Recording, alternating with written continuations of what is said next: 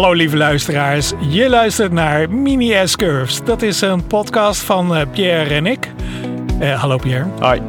En uh, we hebben het dan over verschillende dingen, dingen die we meemaken. En we zijn nu bezig met een serie over TOA, Tech Open Air. Dat is een festival in Duitsland waar we zijn geweest. En er waren ongeveer 85 praatjes, waarvan we er ongeveer 35 hebben gezien. Ik denk misschien wel meer. En we gaan er weer eens drie uh, beet nemen. Dus uh, Pierre, steek eens van wal.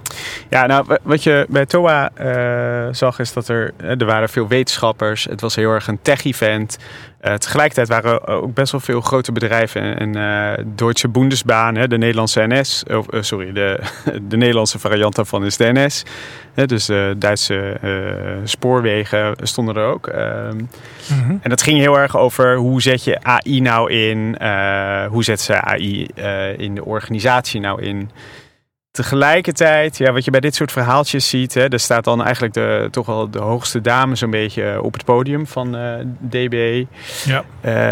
Uh, komt het heel erg uh, polijst over. Het, het, het, zijn niet haar eigen slides, heb ik zo'n vermoeden.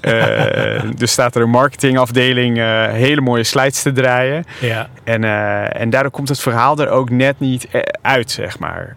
wat helaas, ja, wat, wat ik eigenlijk echt heel jammer vind. Want je wil gewoon meer weten over hoe zet ze het in in? Waar gaat het goed? Uh, wat hebben ze geleerd? Wat, wat ja. doen ze vooral niet? Uh, ja, want de titel is Microdosing the Workforce. En dat had dus inderdaad een van haar collega's die had bedacht zo, oh ja, dan hebben we een prikkelende, edgy titel.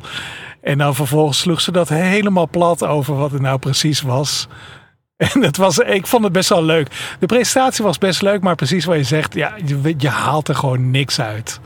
En dat, dus, dus het was entertaining, maar ja, ja. het is een beetje jammer. Ja, en tegelijkertijd kan het ook wel, hè? Want uh, dag twee. Oh. Ja, laat me nog heel even de comments zien oh, voordat, okay. je alles, oh, uh, voor, voordat we nooit meer terug kunnen vinden.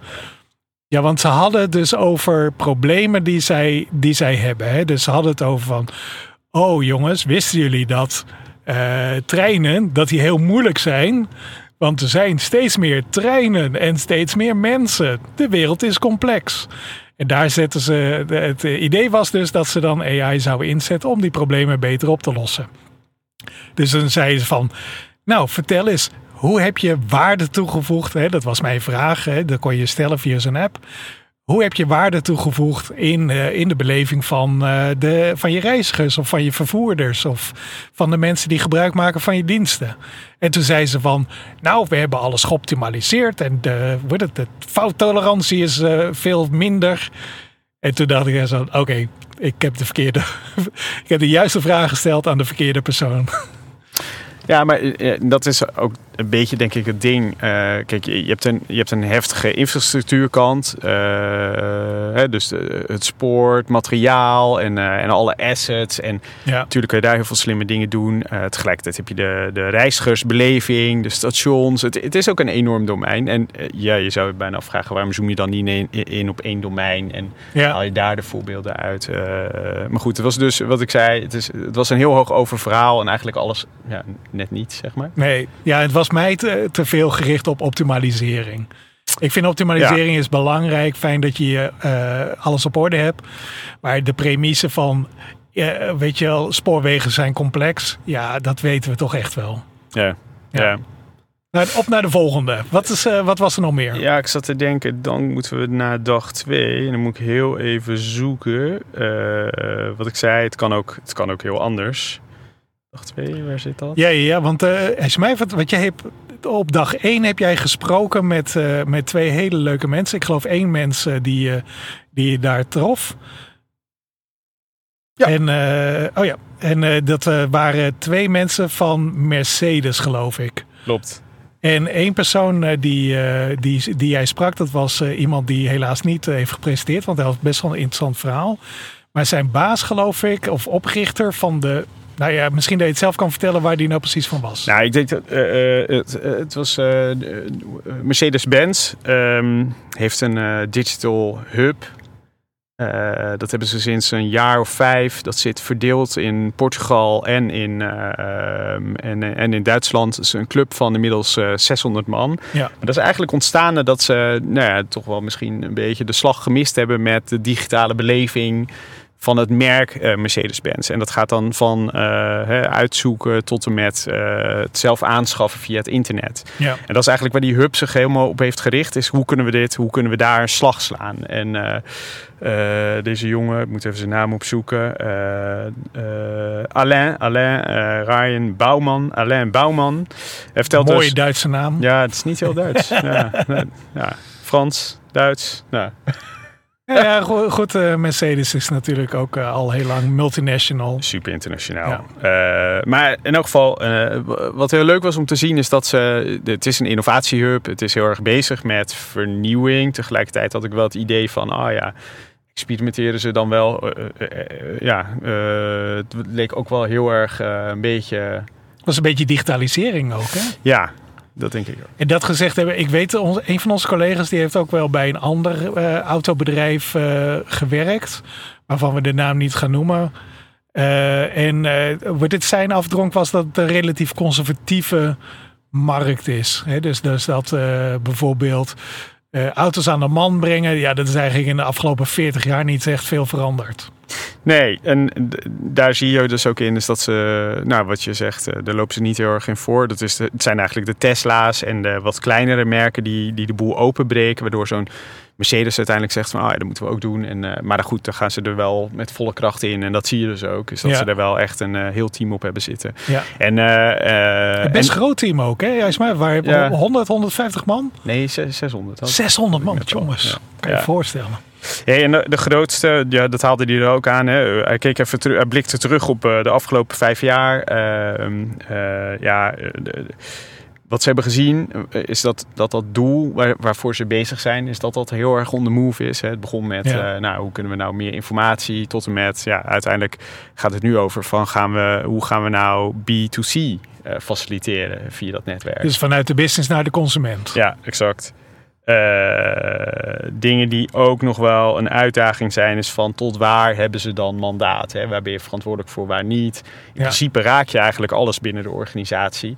En ben je ook deels verantwoordelijk voor de transformatie van de organisatie. Het heeft niet zo heel veel zin om alleen een, een, kanaal te implementeren en de rest van de organisatie uh, uh, niet te betrekken. Dus dat, dat, dat, ja. dat, ja, dat de organisatie meekrijgen in die transformatie, dat is dan tegelijk waar ze mee bezig zijn. Dat komt misschien ook een beetje door dat conservatisme. Hè? Dus dat eigenlijk van huis uit een autobedrijf een grote fabriek is eigenlijk. Ja. Die uh, logistiek heeft tot aan de deur van de dealer. En vanaf dat moment is de dealer zo van het merk, de vertegenwoordiging van het merk van uh, in dit geval Mercedes. Ja. En wat ze zeggen is, door digitalisering moeten we dat een beetje naar ons, naar ons toe trekken. Of gaat dat eigenlijk van, als vanzelf, zoals Tesla dat eigenlijk ook doet? Ja, en waar ligt dan uiteindelijk het mandaat? Hè? Uh, uh, ligt dat dan bij dit team, wat, wat nu verantwoordelijk is voor de digitale, digitale kanalen? Of gaat ja. dat dan weer terug naar de organisatie? Een ander punt waar die, waar die mee zat, en ik denk dat dat ook wel te maken heeft met de, met de historie, de legacy van een merk als Mercedes. Hè? 100, inmiddels ja, ruim 100 jaar of 125 zelfs. Ja, uh, ja verander dat maar eens. Uh, ja, dat is gewoon een enorme uitdaging. Maar die wel, denk ik, uh, op een gegeven moment had hij erover van... ja, kijk, ons doel is om Mercedes te transformeren... en dan, dan zijn wij obsolet, dan houdt ons bestaansrecht op. Ik denk dat hij daar een beetje de plank mislaat. Ik denk dat, dat, dat het, het verandervermogen van de organisatie... Ehm, met de omvang van Mercedes dat dat, dat uh, kijk, als je kijkt naar de ontwikkelingen, hoe die plaatsvinden, dat dat voor zo'n kleine club veel makkelijker te omarmen is. En dat ze in die zin een katalysator kunnen zijn voor de vernieuwing en, en eigenlijk ook het, het leervermogen kan, kunnen versnellen van de Mercedes. Dus wat dat betreft, uh, dat, er, dat er wel bestaansrecht blijft bestaan. Uh, ja. ja, dus, dus ze hebben eigenlijk hè, ze hebben geleerd ervan, dus dat is hartstikke fijn. En heel erg langzaam, maar zeker heeft dat digitale aspect heeft ook wel echt wel impact op de manier waarop zij uiteindelijk zaken doen. Ja. Mooi. Nou, we het toppen nog even af. Uh, Pierre, oh. het, uh, wat is onze laatste uh, uitsmijter? Ja, dan ga ik denk ik even naar dag 1 weer terug. Ja, we hoppen een beetje heen en weer. Michael Rowan. Uh, en zijn verhaal was: uh, we zijn, komen vanuit de industriële revolutie, zijn we nou, over heel veel assen naar een experience economy gegaan. En hij haalde het punt aan van we moeten eigenlijk doorgaan naar een play economy, of eigenlijk weer teruggaan naar een play economy. Ja.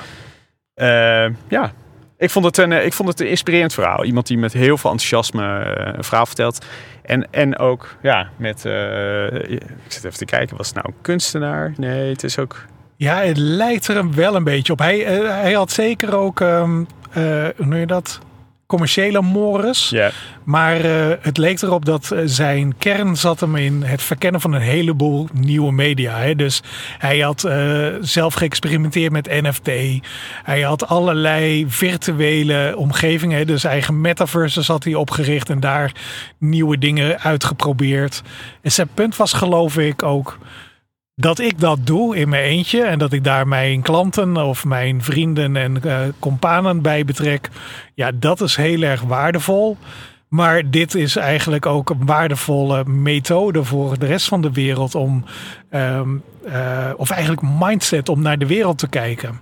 Dus wees nieuwsgierig. Ga spelen met uh, niet alleen alle nieuwe technologieën, maar allerlei ja, dingen die bijvoorbeeld jonge mensen doen of die vroeger heel erg leuk waren. Ja, ik zit nog even te denken. Ik, uh, uh, wat, wat mij vooral over dit praatje bijbleef is...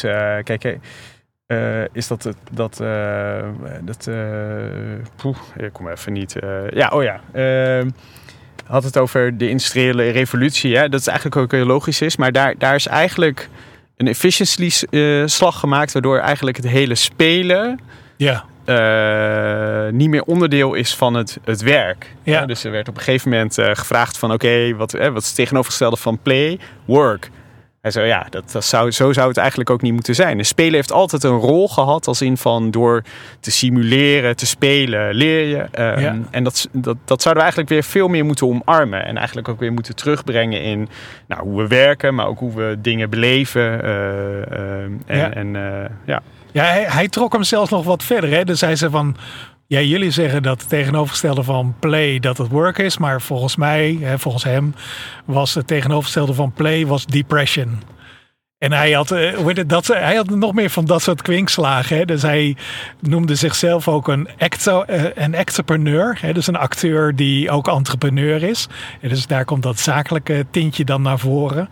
En hij had een heleboel leuke referenties naar zaken die bijvoorbeeld gingen over de metaverse. En die eigenlijk al heel lang in onze uh, zeitgeist uh, spelen. Bijvoorbeeld Snow Crash, een heel belangrijk boek in de, uh, in de fictional um, ja, lore, zeg maar. Hè. Dus de verhalen die nu ook steeds relevanter worden. Ja, die gaat ook over een soort van metaverse en mogelijke gevolgen die dat dan heeft in, in je leven. En wordt het voor mij, ik ben altijd heel erg allergisch voor het woord user. Ik zeg altijd users, die vind je achter het station met een naald in de arm. En hij zei van, je kan beter je user, kan je beter een enjoyer uh, noemen. En wat hij daarmee bedoelde was, als je als je, je klanten of de, je users dan enjoyer noemt, dan weet je ook wat het doel is. Ja, dus dan weet je dat als ze jouw producten of diensten gebruiken, dat ze daar dan van moeten genieten. Dat dat de bedoeling is. En dat vond ik een hele leuke. Daar, daar moest ik echt van glunderen. Ja, volgens mij hebben we er nu drie, hè? Ja, nu ja. hebben we er drie gehad. Dit is een mooie afronding. Check. Dus uh, op naar de volgende drie. Mensen, dit was weer een uh, mini S-curve. Uh, in dit geval uit de achterbak van, of niet de achterbak, de achterbank van de auto van Pierre. En we zien jullie tot de volgende keer. Oh, als je trouwens wil weten wat we dan hebben gezien en wat de exacte namen waren van die mensen. Kijk show vooral notes. in de show notes. Daar zijn ze te vinden. En als je meer wil weten over waar we werken en wat voor leuke dingen, gedachten wij allemaal hebben over digitaal, dan kan je altijd naar ereneos.com. Oké, okay, dat was hem. Dag. Doei doei.